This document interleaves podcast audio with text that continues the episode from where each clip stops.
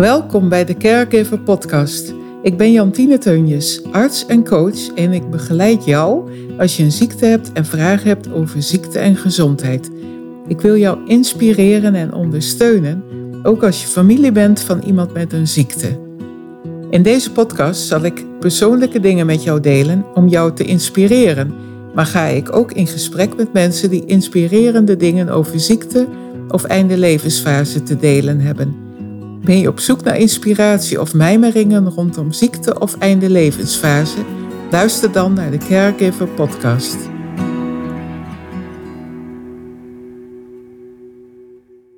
Hallo, jij die naar deze podcast luistert. Ik hoop ja, hier weer wat uh, inspirerende dingen uh, te bespreken. Ik wil het deze keer weer over dementie hebben. Ik heb dat in een vorige podcast ook gedaan. En deze keer wordt het een uh, podcast die niet zozeer gaat over het medische en het medisch inhoudelijk of het wetenschappelijk bewezene of iets dergelijks, maar meer wat gedachten over dementie. En ik kan me zo voorstellen dat dat ook wel eens dingen zijn waar jij misschien ook over nadenkt, of misschien wel niet, maar dat je daardoor toch eens aan denken wordt gezet van wat is dementie nou eigenlijk en wat kan het betekenen ook voor mensen? Dat ook. Die invalshoek wil ik hier ook even belichten. Nou, eh, in de vorige podcast heb ik het eh, met name gehad over wat voor typen dementie er zijn. Ja, eigenlijk vrij globaal natuurlijk nog, maar in deze podcast wil ik het dus over hele andere dingen hebben. Nou, het is een feit dat dementie een hersenziekte is. Dat is helaas zo. En dat het ook heel ingrijpend is uh, voor mensen, op welke leeftijd je het ook krijgt. Het kan heel erg uh, ja, veel doen met iemand. Er zijn natuurlijk, ja, noem het grappige kanten aan dementie, maar ook hele dramatische kanten aan dementie. En ik merk ook wel eens dat mensen die met dementerenden werken, dat die proberen het ook wat luchtiger te maken. En soms ook gewoon erom te lachen om dingen die ze meemaken met dementeren. Want anders wordt het allemaal zo ongelooflijk zwaar en heftig. En het is al zwaar genoeg om te werken met deze mensen. Ik moet ook zeggen, ik heb heel diep respect voor mensen die echt aan het bed werken, die de mensen bezighouden, die ze verzorgen, die allerlei spellen met ze doen. Het is uh, heel mooi werk, denk ik ook, maar ook af en toe wel heel zwaar werk. Zeker waar het uh, gedragsproblemen uh, betreft, uh, voor, uh, die je ook tegenkomt bij deze mensen, dan kan het heel, heel, heel heftig zijn. Zeker als mensen ontremd zijn in hun gedrag of agressief worden of hele vreemde dingen gaan doen. Dat kan allemaal gebeuren. Nou, er zijn natuurlijk ook anekdotes te vertellen over dementie. Wat, wat je soms ziet is dat mensen in hun ontremming, noem ik het dan maar even, ook dingen doen die ze vroeger heel anders deden. Dat kan in positieve en in negatieve zin zijn. Zo heb ik wel eens meegemaakt toen ik pas als arts werkte met ouderen. Dat ik op een uh, afdeling voor dementerende werkte. En er was een uh, mevrouw die zich weer een tiener voelde. Die verliefd was op, op allemaal mannen en flirte met allemaal mannen. En die er enorm van genoot. Dat is gewoon heel grappig om te zien. Wat ik ook wel eens heb meegemaakt, dat was dan ook wel uh, ja, heel bizar, maar ook wel ergens weer dat je denkt van ja, hoe erg moet je het ook maken en hoe ga je hiermee om? Daar kun je heel veel gedachten over hebben. Dat mensen bijvoorbeeld uh, met elkaar in bed belanden, uh, die dement waren, die, ja, die echt ja, gevoelens hadden voor elkaar of, of ja, die daar dingen in beleeft. En dan kan je zeggen, het kan in de ziekte passen. Het kan ook een stuk ontremming zijn in die ziekte. Maar het kan ook zijn dat mensen eerlijker worden in hun gevoelens. En daar kun je als afdeling of als personeel omgaan zoals je ermee om wilt gaan. En daar zijn ook vaak weer afspraken over. En het ene huis of de, andere de ene instelling of de andere instelling, die gaan daar heel verschillend mee om. Bij de ene instelling gaan ze daar heel vrij mee om en willen ze mensen daar ook een stuk in tegemoet komen. In andere huizen, daar wordt daar uh, echt gezegd van nou, dat gebeurt hier niet. En daar uh, gaan we mensen toch uh, ja, op de een of andere manier in beknotten, want dat kan hier niet. Dat, nou ja, stel je voor dat kan gebeuren, hè? dat iemand nog getrouwd is en dan toch gaat flirten of dingen gaat ondernemen met een ander iemand uh, op de afdeling. Dat kan af en toe heel confronterend zijn voor omstaanders, familie bijvoorbeeld, of een partner die er nog is. Dus dat zijn wel dingen waar je wel over na mag denken. Van hoe ga je hiermee om? Ik heb daar ook niet een pasklaar antwoord op. Dat geef ik hier gewoon meteen toe. Het zijn dingen die je in onderling overleg met elkaar kunt bespreken. Van hoe ga je hiermee om? Wat je ook soms ziet bij bijvoorbeeld, ja, niet iedereen bereikt het eindstadium dementie. En ook in elke dementie zie je ook weer andere stadia. Maar wat ik wel weet, dat bijvoorbeeld in Alzheimer dementie dat op een gegeven ogenblik mensen zo ver teruggaan in hun tijd dat ze als een foetus in hun uh, bed liggen. Dus een, uh, als een pasgeboren of nog niet eens geboren baby. Dat ze zo in hun bed liggen en helemaal niet meer of nauwelijks nog reageren op prikkels van buitenaf. Dat ze helemaal in hun eigen wereld zitten. En soms zie je ook wel weer dat mensen wel reageren op hun omgeving. En dat ja, er wordt bijvoorbeeld ook wel eens gesnoezeld. Ik weet niet of jullie die term kennen. Maar snoezelen is eigenlijk dat je mensen uh, ja, hele prettige prikkels geeft. Meestal worden ze als prettig ervaren door mensen. Dat je bijvoorbeeld hele zachte muziek draait, hele prettige, rustige muziek. En dat je mensen uh, koestert echt in uh, hun staat waarin ze zich bevinden. Of dat je ze in bad laat gaan en dan met hele prettige muziek of hele rustige lichteffecten of een zachte massage aanbiedt. En in veel gevallen reageren mensen daar heel prettig op. Dan voelen ze zich alsof ze weer in de baarmoeder zitten bijvoorbeeld. Zo worden ze dan ook uh, uh, behandeld. Dat kan soms heel prettig zijn, dat mensen ook rustiger van worden. Je kunt je ook afvragen van, dat zijn ook gedachten die ik vaak had en heb ook nog wel, van wat is nou eigenlijk echt? Wat is iemand echt? Wie is iemand echt? Want je maakt een ontwikkeling door in je leven. Je gaat van baby naar volwassenen en naar ouderen. En daar maak je een bepaalde ontwikkeling in door. En soms zie je dat mensen daar trauma's in oplopen, soms hele ernstige trauma's. En wat gebeurt dan bij een dementerend iemand? dan zie je soms dat uh, lagen weer worden afgepeld. Zo zie ik dat dan tenminste. Dat ze ja, weer dichter bij zichzelf komen. En dat kan soms heel ontluisterend zijn en heel schokkend. En helaas moeten mensen dan ook soms trauma's weer herbeleven. En soms echt meerdere malen. Dat is verschrikkelijk. En zeker als ze dat dan niet meer kunnen verwerken, dan is dat uh, heel, heel erg. Er kan elke keer dat weer langskomen. En soms vergeten mensen zelfs dat, maar dat gebeurt niet altijd. En dan moet je helaas toch met uh, bepaalde methodes werken, bepaalde bejegening. Hoe ga je met die mensen om? Dan kan bijvoorbeeld snoezelen een manier zijn om mensen weer rust te geven. Soms moet er helaas toch met medicamenten gewerkt worden, omdat ze dan zo verschrikkelijk uh, lijden op dat moment. Ik ben echt niet een voorstander van mensen helemaal uh, suf maken met medicamenten. Maar soms moet je toch iets geven om een stukje verzachting uh, te bieden, helaas. Ja, je kunt je dan afvragen, wat is dan echt, hè, zeg ik ook al. Wat is een mens? Wat is echt? Nou, dan denk ik dat je een bepaalde kern hebt, een bepaalde ziel, waar je, uh, wat je echte ik is. En daar ga je, als je in een dementeringssituatie zit, steeds meer naartoe, heb ik het idee. Ja, dat uh, is dan net hoe ja, gaat dat lijden worden of gaat dat juist een stuk rust bieden? Het lijkt erop dat in een beginstadium er heel veel onrust vaak wordt ervaren, want dan komt iemand heel veel van zichzelf tegen in bepaalde vormen en ook niet altijd dat dat te verwerken is.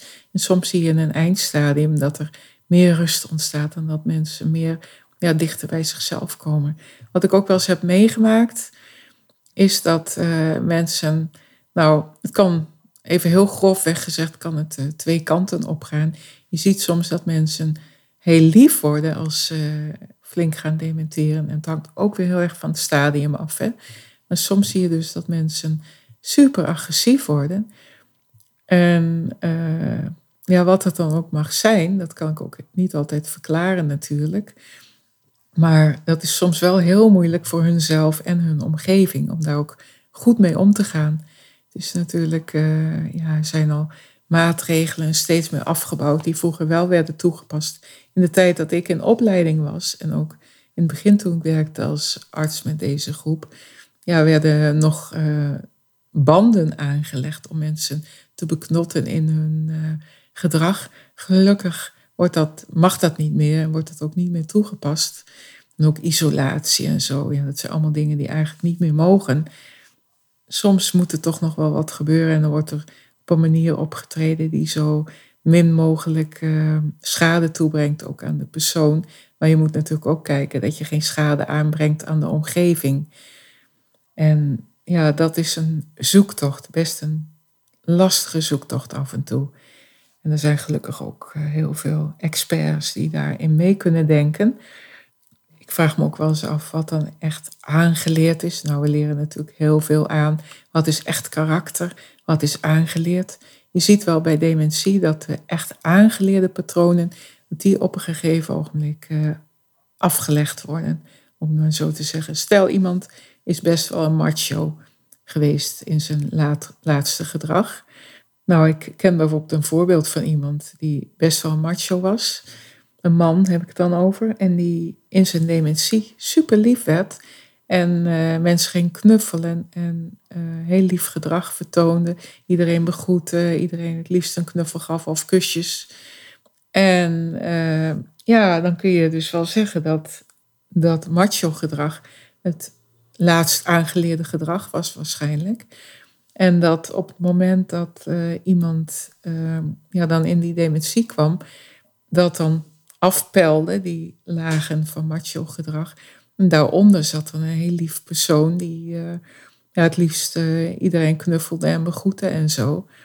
En ja, die, die zoon van die persoon, die zei bijvoorbeeld, ik heb eigenlijk toen mijn vader zwaar dement was, een veel beter contact met mijn vader gehad dan toen hij nog niet dement was. Toen was hij eigenlijk, liep hij weg voor problemen en kon je niet echt met hem communiceren. En toen hij echt flink dement was, kon ik echt met hem communiceren. En had ik een heel warm, liefdevol contact met hem. En toen had hij ook geen moeite ermee om dagelijks zijn vader te bezoeken en hem te beleven.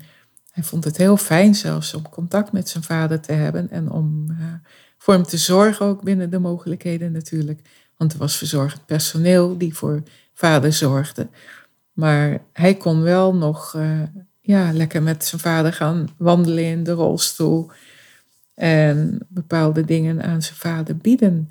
Waardoor het uh, heel fijn was om nog met zijn vader te zijn. Je ziet ook heel vaak als mensen, uh, hoe, dement, hoe meer de mensen worden, dat ook eigenlijk het samen zijn, dat dat steeds belangrijker wordt. Ik vind ook, dat vind ik ook wel een naam die ik even echt mag noemen. Dat is Anneke van der Plaats. Ik weet niet of je die naam kent. Die heeft ook prachtige boeken geschreven. En heel veel kennis uh, verspreid over uh, dementie. Haar uh, kennis deelt ze op Brein Collectief. En er zijn nog mensen die dat delen, die kennis. Toen heeft ze prachtige dingen gedeeld over dementie in haar boeken, maar ook live via lezingen. En ze ging ook bij mensen langs om haar kennis te delen en ook uh, haar prachtige adviezen uh, kenbaar te maken. Wat Anneke bijvoorbeeld onder andere zei, is, nou de beleving is heel belangrijk voor dementeren, het gevoel. Mensen gaan steeds meer naar hun gevoel. Anneke was trouwens ook een specialist ouder en geneeskunde, net als ik. Dan eigenlijk gespecialiseerd heel sterk in dementie. En wat zij onder andere zegt is, de sfeer die mensen uh, hadden tijdens hun uh, volwassen leven is heel belangrijk. Dus je moet eigenlijk niet met designmeubels aankomen, hele moderne meubels, maar laat ze voelen in die tijd dat ze zelf uh, ja, heel actief waren en die tijd die ze zich nog kunnen herinneren. Zet gewoon een ouderwetse radio neer, leg vloerkleden neer. En, uh, of kleedjes, ja, natuurlijk niet dat mensen erover kunnen vallen, hè, dat is niet. En het moet praktisch blijven. Of zet meubels neer die mensen herkennen uit hun tijd, waardoor ze zich thuis voelen en het gevoel hebben van, nou, uh, ik uh, ben in mijn eigen omgeving en ik voel me daar prettig. En ook haar advies om bijvoorbeeld geen spiegel op de kamer neer te hangen, want mensen raken daar erg van in de war. Wat je wel kunt doen is bijvoorbeeld op hun deur of in hun kamer foto's neer te zetten of uh, ja, een foto neer te hangen op de deur van toen ze bijvoorbeeld een stuk jonger waren, waar ze zich nog in kunnen herkennen. Als ze dat dan zien, dan hebben ze zoiets van, oh ja, dat ben ik. Als je bijvoorbeeld, wat zij ook volgens mij heeft gezegd, is een boek creëren waarin allerlei beleefmomenten staan en uh, mooie momenten met hun familie. Waardoor ze ook ja, een stuk herkenning hebben met uh, ja, hoe ze vroeger waren. Dat ze hun eigen kinderen weer zien. Ja, komt ook een moment dat ze die misschien ook niet meer herkennen. Maar zolang dat nog kan, is dat super fijn voor die mensen. En dan hebben ze een gevoel van herkenning. Dat was dus, ja, Anneke van der Plaats. Er zijn mensen die ook nog werken met de kennis van Anneke van der Plaats. Zo heb je bijvoorbeeld uh, Gerke de Boer, die ook uh, in diverse organisaties over door het hele land prachtige kennis ook deelt, waar een deel ook van Anneke is. En ook nog andere nieuwe dingen die hij deelt. Prachtig. Wat ook heel leuk is. Ik weet niet of jullie ook wel eens de filmpjes van Tijn Tauber hebben gezien. Een influencer is dat. Nou, hij deelt af en toe ook filmpjes samen met zijn moeder, die ook eh, flink dement is. Het is ook zo leuk om te zien hoe hij op een luchtige manier de verbinding met zijn moeder ook laat zien. En wat, zij, wat haar wereld is, dat hij daar ook in gaat zitten eigenlijk samen met haar. En daar vanuit dan ook deelt. Dus dan zingt hij bijvoorbeeld liedjes met zijn moeder samen. Wat zij nog kan en wat ze leuk vindt en waar ze enorm van geniet. Is zo leuk om te zien. Nou, ja, ik uh, kan hier nog een heleboel over delen. Ja, wat ik ook nog leuk vind om te delen is bijvoorbeeld humor. Mensen hebben op een bepaald moment een bepaalde vorm van humor. En ook dat zie je op een bepaald moment verdwijnen of veranderen. Zo kunnen mensen bijvoorbeeld uh, iets wat ze vroeger heel grappig vonden of waar ze de humor van zagen, die zien ze dan later niet meer. Dat is af en toe wel eens verwarrend. Wat je soms ook ziet in een beginstadium uh, van dementie, dat mensen achterdochtig worden en uh, een soort bijna psychotisch gedrag laten zien. Nou, psychose, daar bedoel ik mee dat mensen dingen zien of uh, wanen krijgen of hallucinaties. Dat ze in één keer denken dat iemand op hun kamer komt en dingen doen die zij niet willen of niet wensen, waar ze angstig van worden of zich bedreigd voelen. Dat kan soms een beginstadium dementie zijn.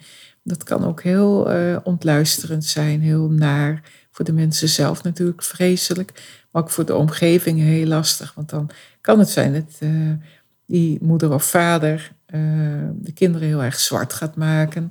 Of dingen over ze gaat zeggen tegen anderen die helemaal niet kloppen.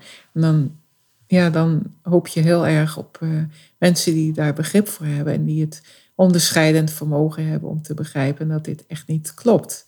Dat is af en toe lastig, want zeker in het beginstadium, dan worden mensen natuurlijk nog heel erg serieus genomen. En als dan uh, in één keer moeder gaat zeggen, ja, uh, mijn schoondochter kwam op de kamer en die begon van alles op mijn kamer te stelen en mijn geld weg te nemen.